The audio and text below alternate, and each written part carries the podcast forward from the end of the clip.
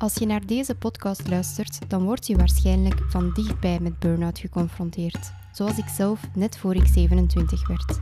Ik ben Mirte Rombouts, arbeidspsycholoog en ervaringsdeskundige in het hebben van een stevige burn-out. Na mijn eigen zoektocht wil ik jou op weg helpen om de puzzel te leggen die een burn-out met zich meebrengt. In de reeks afleveringen Hulp bij Burn-out ga ik telkens in gesprek met iemand die je kan tegenkomen op je weg naar herstel. Je ontdekt wat zij dan juist doen om te helpen en je leert ook de persoon achter de job kennen. Zo hoop ik de drempel te verlagen om hulp te zoeken. En dat is een pijnpunt dat mijn gast in deze aflevering aanhaalt. Mensen in burn-out wachten eigenlijk veel te lang met hulp zoeken. Geniet van mijn gesprek met Jan Raas in deze tweede aflevering van Burnout Blootgelegd. Oké, Jan, ik zou heel graag beginnen met jou te vragen om eens te vertellen wie dat je bent en wat je doet. Dus ik ben psychiater en bedrijfscoach, eh, vooral gespecialiseerd in eh, executive coaching. Mensen die verantwoordelijkheid hebben en die grote beslissingen moeten nemen, begeleiden in transitieprocessen. Uh, u zult wel begrijpen dat als je vandaag vijf mensen moet aansturen, je maakt promotie, je moet er morgen vijftig aansturen, je maakt promotie, je moet er overmorgen 500 aansturen, je maakt promotie, je moet er 5000 aansturen, je moet, maakt promotie, je moet er 50.000 mm aansturen. En zo gaat het vaak verder. Mensen zeggen, ja, ik heb uh, een heel set nieuwe vaardigheden nodig, een keer erop psychologisch vlak liggen qua competentie kennen die mensen vaak zeer veel en zijn ze zeer goed in vak. Maar dan zeg je, goh, hoe moet ik nu die helikopterview ontwikkelen? Of hoe moet ik voldoende rust uh, behouden? Of hoe kan ik voldoende weerstand bieden tegen uh, de grote spanningen en stress waar ik uh, aan onderheven ben? Dus op die manier ben ik zeer vaak met stress en stressbegeleiding bezig. Okay. Op individueel vlak of op groepsvlak. Ja. Mm -hmm, Oké, okay. en je komt dan ook met burn-out in aanraking? Zeer vaak. Het is een, um, een beetje een modewoord, omdat het uh, een wat moeilijk omschreven begrip is. En het is een beetje een container voor veel andere begrippen. Maar het is effectief een reëel probleem in onze moderne tijd dat veel mensen in een toestand terechtkomen van uitputting, uh, leeg branden, uh, geblokkeerd raken in hun functioneren. En dat is toch een fenomeen die toeneemt. Um, daar waar dat vroeger eigenlijk iets minder voorkwam. Men heeft er natuurlijk ook, daarom gebruik ik het, uh, het begrip een, een containerterm, men heeft er ook alle begrippen van ik kan het niet aan, ik ben overwerkt, ik krijg een lichte depressie of ik krijg een grote depressie. Dat krijgt nu ook allemaal diezelfde plakker burn-out, totdat mensen bij een arts terechtkomen die zeggen, hmm, dat is toch wel nog iets anders dan burn-out. Maar voordien, op de werkvloer noemt het allemaal burn-out. Ik bedoel, dat is mhm. een beetje het nadeel van dat containerbegrip. Maar los daarvan is er natuurlijk een enorm probleem in de, laten we zeggen, de laatste 15, 20 jaar toegenomen uh, arbeidsstress. Dat is een enorm groot probleem. Ja. ja, en je zegt daar zoiets, je hebt burn-out, je hebt depressie. Wanneer mensen bij jou terechtkomen, ga je dat dan eerst even nagaan van waar heb ik hiermee te maken? Ja, de, de screening om te zien of mensen een uh, depressie hebben, dan wel of het over burn-out gaat, is vaak op te maken uit het verhaal die mensen meebrengen en uit de symptomen die ze hebben. Uh, waar een, men spreekt van een depressie als mensen ook lichamelijk uh, symptomen hebben die eigenlijk dagschommelingen zijn, vitale signalen. Dus u, ik zeg nu maar eens, mensen die een depressie hebben, hun haar groeit niet goed hun huid floreert niet, hun uh, maagdarmen werken niet goed, uh, omdat hun vitale energie in die mate uh, geblokkeerd is dat hun fysieke vorm eigenlijk niet goed meer werkt. Dat is echt een vitale depressie. Een burn-out is een energietekort, maar uw lichaam functioneert nog wel.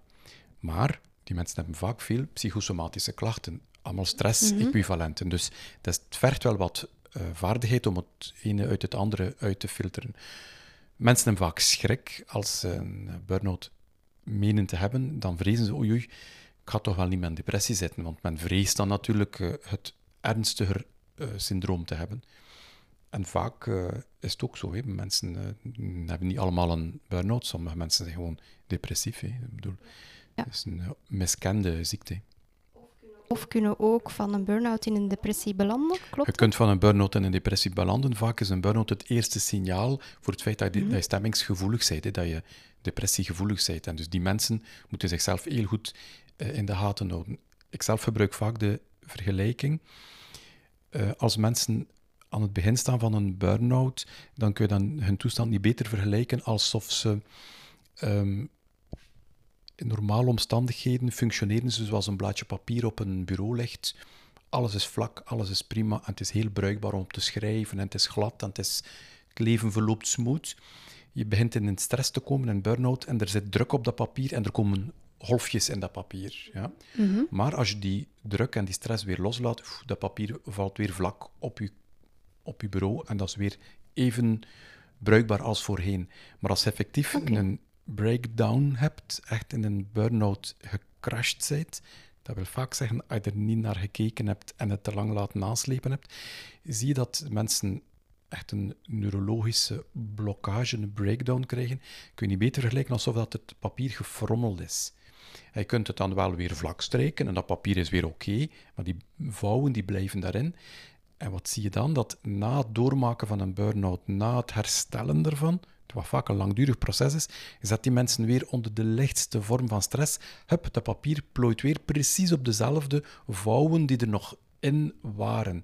En dat is hetgene wat je eigenlijk echt moet voorkomen door snel te reageren bij aankomende burn-out. Ja, een burn-out mm, vermijden mm. eigenlijk. En dus een keer als iemand erin zit, wat is dan jouw aanpak of jouw voorkeur om met iemand te werken zodat ze zo goed mogelijk herstellen? Je moet rekenen de meeste mensen die um, met een burn-out worstelen, komen veel te laat op consult. Vaak zitten ze al maanden thuis. Want de eerste 14 dagen zijn ze gewoon een beetje moe. En nadien denken ze: goh, ja, ik, heb, ik ben nog niet helemaal klaar. Ik moet eerst nog uh, een beetje orde maken in mijn hoofd. En ondertussen gaat de tijd vooruit. De huisarts kan met het uh, schrijven van een briefje voor burn-out tamelijk lang iemand zonder veel problemen thuis houden. De, de ziekteverzekering is heel mild in dat vlak, omdat ze weten dat tijd nemen een belangrijk element is. Maar ondertussen gaan ze vaak niet op tijd naar een uh, gespecialiseerde en gedegen aanpak. En dus mensen komen vaak veel te laat. En dus zijn ze zes maanden, acht maanden ver. En dan zeggen ze, ja, en nu spreken ze van mij op mijn validiteit te zetten en ik ben nu nog niet beter. En dat is eigenlijk wel echt jammer, dat mensen daar zo lang mee blijven sukkelen. En Vaak is er geen spat veranderd in hun situatie. Ze zijn niets beter geworden op die lange tijd thuis te zijn, omdat ze eigenlijk de zaak niet hebben nagepakt. Je kunt letterlijk een burn-out kunt dat parkeren, kunt dat wegzetten. En dan functioneren ze thuis zo op een laag pitje. Ze doen zojuist het minimum eh, in het huishouden, maar eigenlijk kun je er niks aan vragen, eigenlijk gaat het niet. En, en zet ze weer in het werk of zet ze, vraag ze iets extra's te doen, het gaat niet. Dus dat is, eigenlijk het eerste punt. Uh, die lange tijd thuis is eigenlijk geen goede, geen goede zaak. Het tweede punt is, mensen durven vaak niet op consult komen, omdat ze denken, ja, goh, ik ga gezien worden als een profiteur, ik ga gezien worden als eh, een luierik, ik ga gezien worden als een zwakkeling, iemand die het niet aan kan. En um, in de praktijk blijkt dat meestal niet zo te zijn. De dat, is een, dat, is een, heel belangrijk gegeven. De meeste mensen met een burn-out zijn mensen die overmatig presteren, zijn overachievers, zijn mensen die zich te veel inzetten, te veel energie uh, steken in, hun, uh, in de activiteiten die ze doen. En niet alleen in hun werk. Dat wordt dan vaak werkgerelateerd. En zeg ja, ik heb me overwerkt op mijn werk. Dat zal dan wel zo zijn. Maar meestal hebben die mensen een persoonlijkheidskenmerk dat ze te veel geven van zichzelf. Op elk vlak. Ze verzorgen hun zieke mama veel te veel. Of ze gaan uh, veel te ver in de, het, tegemoetkomen van de kinderen of ze gaan veel te ver in het oplossen van een conflict op het werk. Dus mensen zijn overmatig bezig. Dus de, de typische beschrijving van ja, iemand met een burn-out, is iemand die er de kantjes afrijdt of die, uh, die, die, is uit op een, op een uitkering of zo. Ik kan niet zeggen dat niet gebeurt, maar de grote over, over, over grote deel van de mensen met een burn-out zijn mensen die overmatige inzet hebben gegeven in hun werk. En die daar vaak morsig met hun eigen energie zijn omgegaan. De invloed van het werk speelt natuurlijk ook een rol. De werkgever kan natuurlijk een burn-out uitlokken bij zijn personeel door iedere arbeidspsycholoog zal dat weten. Uh, slechte werkorganisatie, veel te veel veranderingen, uh, slechte werkjobomschrijving, uh, slechte feedback geven, warrige feedback. En dan krijgen de mensen natuurlijk helemaal nerveus en opgejaagd en zonder rust en, en zonder duidelijke lijnen. En dan zie je het aantal burn-outs enorm toenemen. Hè. In, in transitieprocessen en bedrijven neemt het aantal burn-outs enorm toe. Voor alle veranderingen in het onderwijs, veranderingen die door de overheid geïnstalleerd worden in het onderwijs en veranderingen door de veranderde demografie, het nieuwe publiek in het onderwijs, maakt dat veel mensen in het onderwijs ongelooflijk gevoelig geworden zijn aan burn-out. Niet omdat ze niet uh, genoeg werken of niet genoeg inzet geven, maar omdat de omstandigheden enorm veranderd zijn. Hè. Dus dat is een, een belangrijk gegeven. De aanpak van een burn-out is eigenlijk het samen gaan evalueren. Wat is de balans tussen draaglast en draagkracht? En bij een burn-out is dat niet in balans. Vaak wordt er alleen maar gekeken naar de draaglast. Ik moet minder werk hebben, mijn baas overbelast mij. Uh, en dat is nuttig, maar men moet ook kijken naar de draaglast in privéomstandigheden, in persoonlijke familiale omstandigheden, in vrije tijd. Je kunt jezelf overbelasten in, in je vrije tijdsomstandigheden. Enerzijds en anderzijds moet er ook gekeken worden van wat kun je doen om je eigen draagkracht te verbeteren. En dat gaat dan over ja, hoe zit het met mijn algemene gezondheid? Uh, soigneer ik mezelf goed genoeg? Slaap ik genoeg? Ehm, eet ik voldoende? Eet ik gezond? Uh, zorg ik voor opbouwende en nuttige emotionele relaties met mensen rondom mij? En veel mensen, bij veel mensen is het antwoord nee op alle vragen. Hè.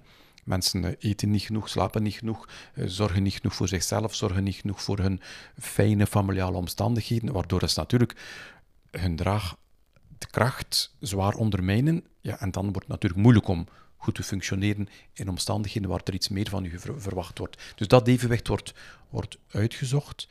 Dat is al heel klusje werk en om daar dan ook strategieën te ontwikkelen om daar veranderingen in aan te brengen.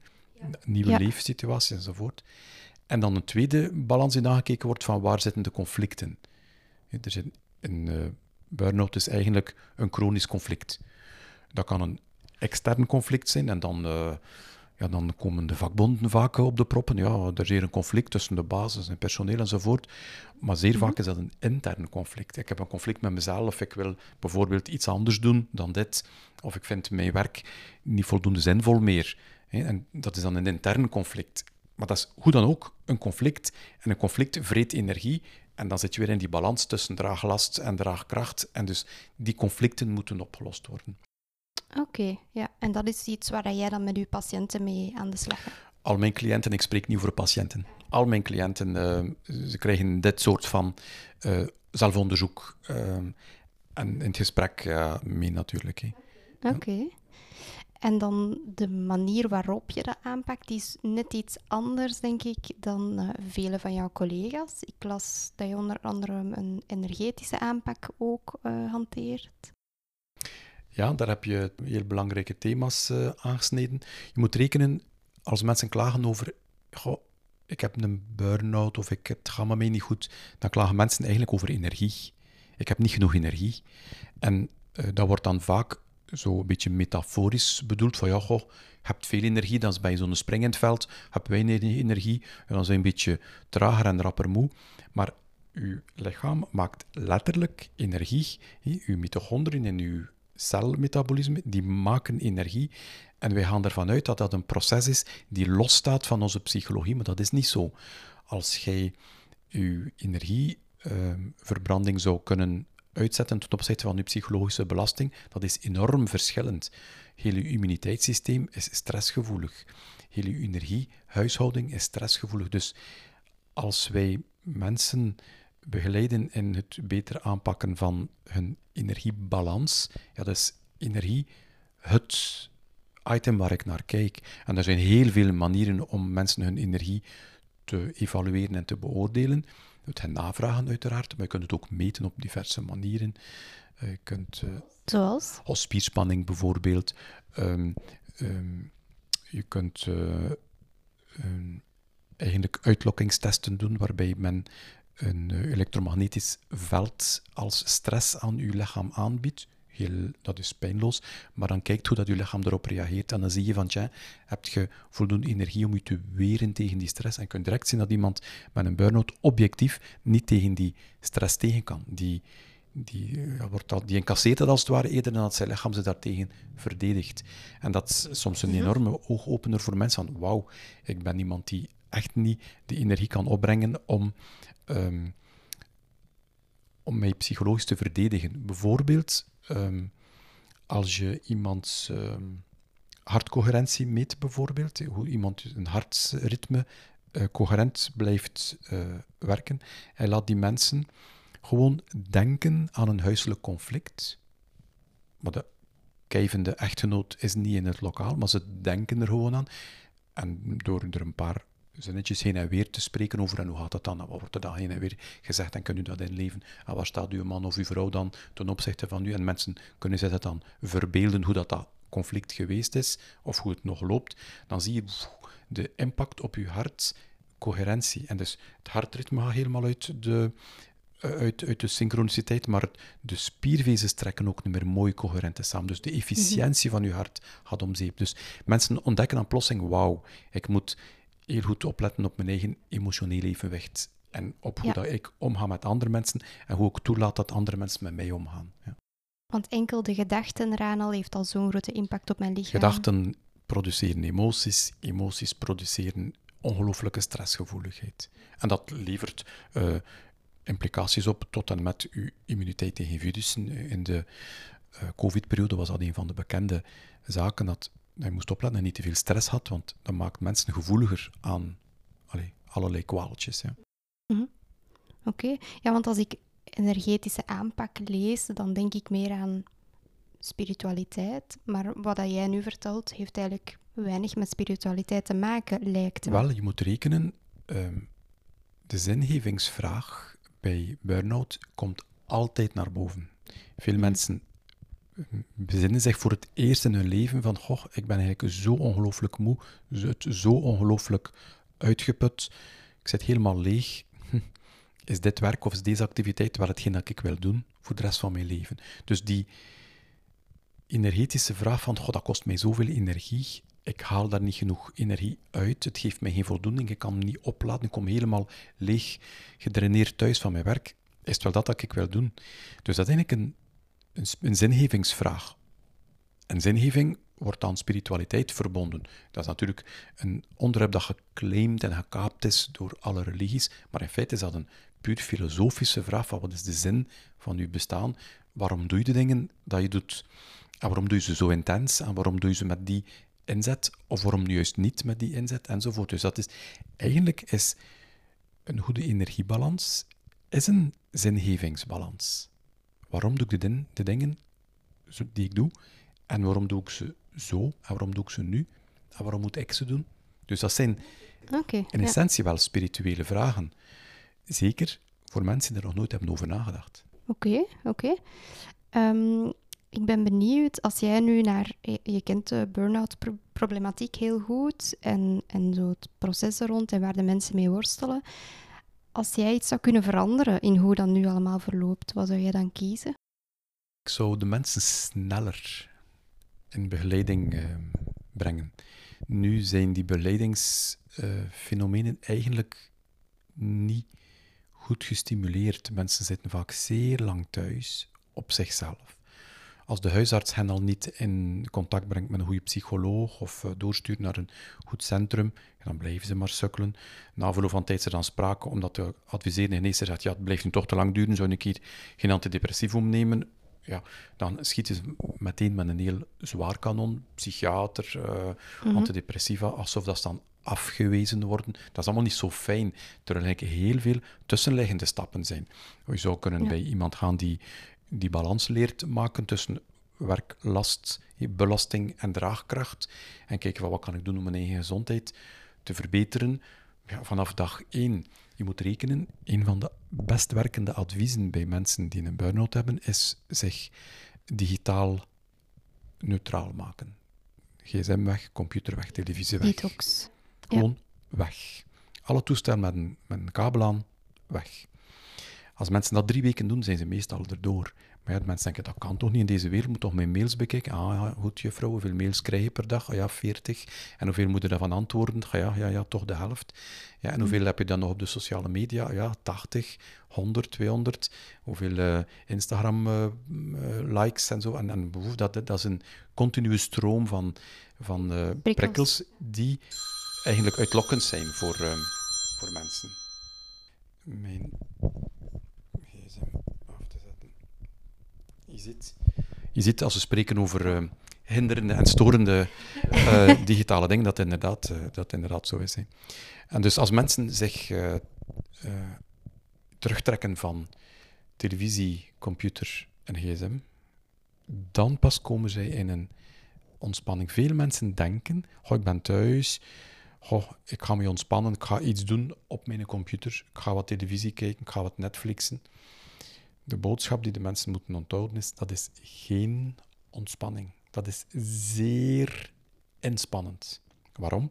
Ja, je wordt in een emotioneel pad meegesleurd bij de haren. Een interessant Netflix-programma of een televisieprogramma. Je wordt daarin emotioneel meegesleurd en daar kun je juist niet tegen. Daar heb je juist je energie niet voor. Dus dat is absoluut niet ontspannend. Vaak is het zo dat mensen, nadat ze weer beter zijn, geen tiende deel meer gebruiken van de informatica die ze voordien gebruikten. En voor alleen nog op het werk de mails beantwoorden. Punt. Dat, want de belasting aan uh, prikkels die uit onze IT-wereld komt, is enorm. Ja, dus als ik het goed heb, er is waarschijnlijk niet echt iets mis met tv kijken of die prikkels binnennemen, maar het is kwestie van te beseffen dat dat wel dingen zijn die bijdragen aan uw draaglast. Dat is hardlabeur. Ja, terwijl wij denken vaak dat het net iets is wat ons helpt ontspannen en een draagkracht is, maar eigenlijk is dat dus niet zo. Het helpt natuurlijk om eens aan iets anders te denken. Je hebt een thriller gezien, heb je ondertussen aan iets anders gedacht. Maar denk niet dat uw neurologie en uw lichaam ontspannen is. Je hebt mhm. gewoon aan iets anders gedacht. Dus als het een probleem is om je gedachten te verzetten, oké, dan moet je inderdaad activiteiten doen die je gedachten verzetten, maar niet tegelijkertijd je inspannen.